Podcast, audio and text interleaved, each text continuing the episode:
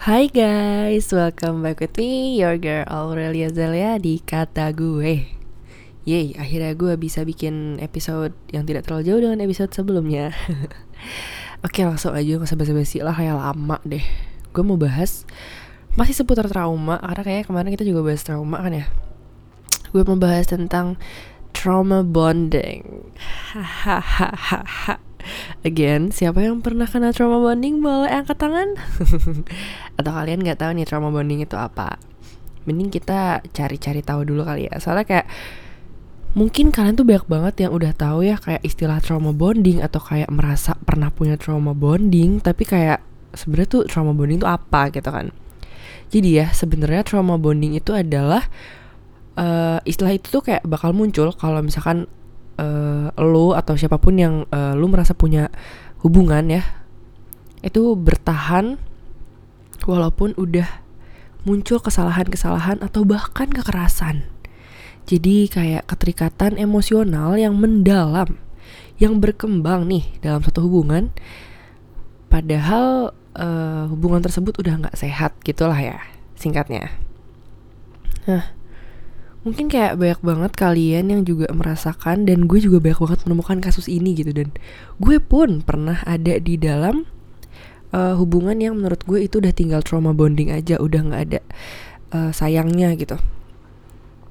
Jadi uh, trauma bonding itu cukup bahaya dan kenapa gue bilang bahaya? Soalnya sangat susah untuk keluar dan sangat susah untuk sadar kalau kalian ada di dalam hubungan yang udah tinggal trauma bonded aja gitu jadi gini, misalkan kalian punya pasangan atau kayak kalian menemukan teman kalian yang kayaknya ih lu susah banget sih gue bilangin. Kayak cowok lu tuh selingkuh.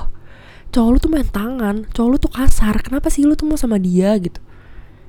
Ntar kayak temen lo tuh ngomong ya gimana? Gue udah sayang banget sama dia cuma dia yang bisa bikin gue tenang cuma dia comfort zone gue. Itu adalah trauma bonding.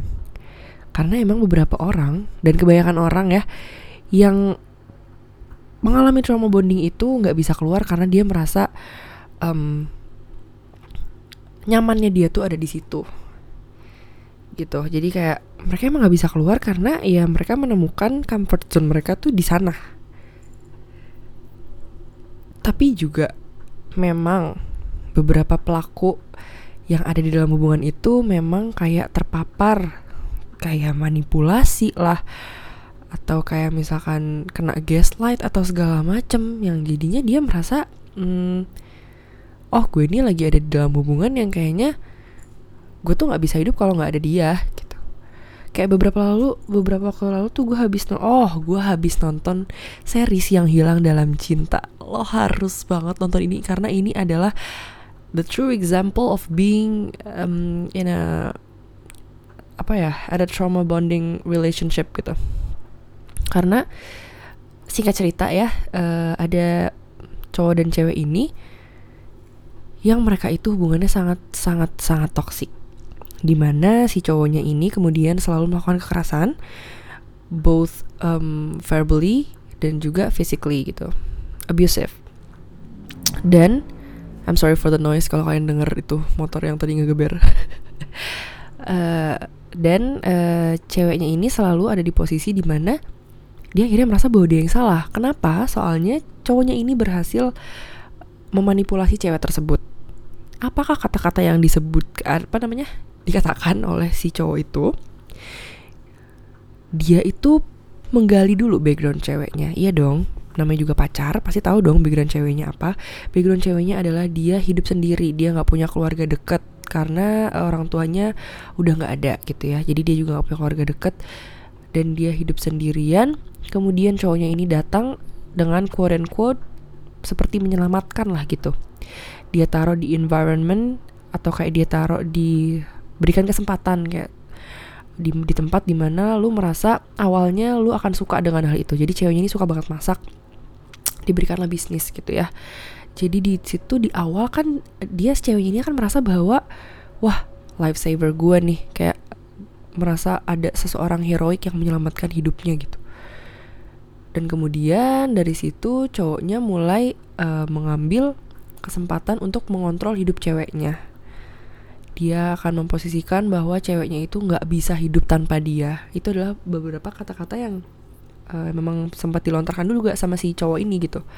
Setiap ceweknya ini bikin salah seperti itu dan itu sebenarnya bukan kesalahan gitu. Emang kayaknya cowoknya aja yang udah sakit gitu uh, cowoknya ini emang don't know maybe insecure juga ya karena kan kayak cowok-cowok kayak gini tuh biasa insecure gitu Padahal kayak dia harusnya tahu kalau ceweknya ini tuh ya cuma sayang sama cowoknya doang, tapi kayak cowoknya ini merasa selalu terancam sama kehadiran orang-orang lain yang padahal menurut ceweknya tuh nggak ada artinya dibanding elu tuh gak ada apa-apanya gitu. Tapi cowok-cowok ini tuh selalu merasa terancam dan akhirnya ceweknya ini selalu dibikin dalam posisi salah gitu dikontrol dari bajunya, dikontrol dari cara dia bergaul segala macam dengan dalih dia sudah memberikan kenyamanan yang tidak bisa diberikan orang lain.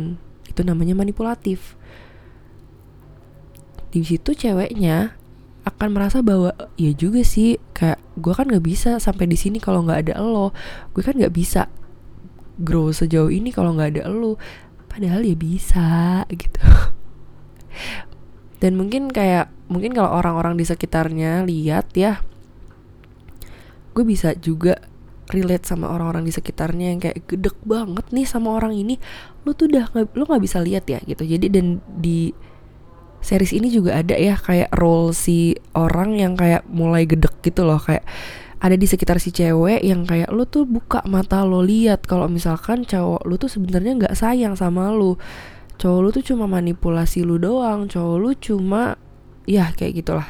Pasti itulah hal-hal atau kayak kata-kata yang udah sering kita lontarkan ke orang-orang yang seperti itu ya yang batu lah gitu bahasa ya tapi ya emang menurut gue orang-orang yang ada di hubungan seperti itu ya emang susah untuk dibilangi dan hampir nggak bisa gitu.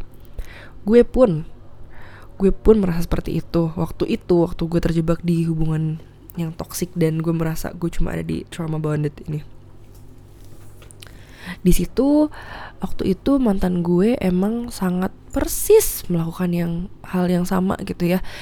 Kayak nggak ada deh kayaknya cowok yang mau lagi sama lo selain gue gitu. Jadi kayak lo udah nurut aja sama gue. Dan pada saat itu gue I bought it gitu loh. Jadi kayak gue iyain omongan lo gitu salahnya gitu kayak ya namanya juga orang-orang yang termanipulasi ya. Kadang tuh emang nggak bisa sadar kalau emang bukan kesadaran sendiri gitu. Dan gue juga makanya kadang tuh ya gue kalau lihat orang-orang kayak gitu gue juga bisa relate sama mereka sama korban-korban ini. Karena kayak gue tahu gue tahu karena mereka tuh harus melalui fase yang bener-bener kepentok jatuh ke jungkel dulu baru kayak sadar gitu kalau oh gue tuh lagi dimanipulasi loh gue tuh lagi di mainin loh sama orang ini gitu jadi emang uh, walaupun susah ya gue tahu tapi kayak untuk kalian yang lagi ada di merasa ada di titik ini, merasa ada di dalam uh, hubungan yang lagi cuma isinya tinggal trauma bonding doang atau kayak lu merasa jadi korban. Kalau saran gue, lu pikirin buruk-buruknya pasangan lo. Emang kayak kalau lu lagi di hubungan normal ini nggak boleh, tapi kayak karena lu ada di hubungan yang lu lagi jadi korban nih, pikirin semua keburukan pasangan lu gitu. Jangan mudah kemakan janji palsu karena emang biasa gitu ya. Kayak nanti pasangan lo uh, biasanya orang-orang abusif nih kayak gini. Dia habis um, habis uh, melakukan tindak kekerasan itu both uh, verbally atau physically ya mereka akan selalu jadi kayak kalut kayak aku minta maaf banget aku tadi salah aku bla bla segala macam. Dan biasanya korbannya akan nuluh lagi. Biasanya kayak mereka termakan lagi ke akhirnya ih pasangan gue sadar kalau dia salah gitu. Dia udah janji kok dia nggak bakal kayak gini lagi akan selalu kayak gitu. Dan lu akan selalu memaafkan dia dengan lebam dan memar yang ada di tubuh lu ataupun ada di hati lu gitu anjay kayak dengan semua luka-luka itu lu akan bilang dia udah minta maaf kok dia nggak bakal ngulangin lagi dengan bukti yang udah terpapar di tubuh lo. And then jangan takut untuk end the relationship. Just end the, the relationship gitu loh. Kayak take the action gitu. Lo harus berani gitu. Sebelum lo lebih jauh lagi larut. Gitu. Ya. Karena ini menurut gue impactnya akan sangat panjang akan sangat banyak. Bisa bikin lu traumanya tuh wah dan penyembuhannya sangat lama. Lu bisa takut sama orang, lu bisa takut untuk memulai hubungan baru, lu bisa sangat jadi trust issues, bisa jadi overthink, gitu ya. Kayak lu harus stop juga nyalahin diri lu sendiri. Stop blaming yourself because you are not the problem. You are not the problem and you are never the problem. Terus kayak lo juga harus berani buat konsultasi sama yang ahli gitu lo ke psikolog lo kayak lo cerita sama orang lain lo harus cerita sama orang lain karena untuk korban-korban trauma bonding biasanya hal yang paling mereka hindari adalah cerita ke orang lain dan itu dulu adalah tameng gue. Gue selalu bilang kayak gue tuh nggak pernah kok nyeritain kejelekan cowok gue. Kenapa? Karena gue tahu dia salah. Karena gue tahu dia salah dan gue nutup nutupin hal itu karena gue tahu pasti teman-teman gue akan sangat marah kalau tahu mantan gue itu sekasar itu sama gue. Karena beberapa tanda lu sedang di dalam hubungan yang di mana lu mengalami trauma bonding adalah itu. Lu nutupin tindakan pasangan lo. Dan lu nyoba terus bertahan. Lu bersikeras membela pasangan lo dan jauhin diri dari orang-orang yang mau nolongin lo. Lo balik lagi maafin pasangan lo walaupun lu sadar lo sering disakitin berkali-kali lo ngerasa sulit ninggalin hubungan itu yang sangat gak sehat dengan berbagai pertimbangan dan nganggep bahwa orang lain itu benci sama pasangan lo dan cuma lo yang bisa ngertiin dia gue ngerti kok kenapa dia kayak gitu karena gue salah. Gue ngerti kok kenapa dia kayak gitu karena dia tuh sayang sama gue. Ini juga ada salah satu dialog yang ada di si yang hilang dalam cinta itu. Dia tuh sayang sama gue makanya dia kayak gitu. Enggak men. Lu salah otak lu rusak. Itu oke? Okay? terus juga lo keberatan buat ninggalin pasangan lo meskipun lo sadar udah jadi korban kekerasan. Rasa sayang dan cinta yang mendalam yang udah membuat lo bahkan jadi buta jadi bodoh. Itu yang yang salah gitu ya. Kemudian lo setuju dengan alasan pasangan lo melakukan kekerasan kayak tadi gue bilang. Dia tuh kayak gitu karena emang sayang sama gue. Dia cuma dia yang ngerti gue. Gue harus kok diginiin. Gue juga inget tuh salah satu dialognya waktu si Sheila Dara ngomong kayak gitu untuk membela si cowoknya Reza Radian kayaknya gue emang butuh deh disadarin kan gue emang bodoh banget. Kayaknya kalau gue nggak digituin gue nggak bakal sadar deh sama kesalahan gue gitu. Dan tanda selanjutnya adalah lo marah ketika orang lain ikut campur. Walaupun lo tahu mereka tuh peduli dan pengen bantuin lo lo menghindar lo marah karena dalih-dalih yang tadi. Kalau lu merasa bahwa hal-hal itu benar dan lu merasa lakinya gue ya fix lo lagi ada di hubungan yang sangat gak sehat cepetan keluar. Mumpung lo sadar mumpung lo denger podcast ini lo keluar. Karena lo gak bakal tahu sampai kapan lo akhirnya akan terjebak di hubungan itu. Di series itu si yang hilang dalam cinta si Shaladara hampir terjebak di pernikahan.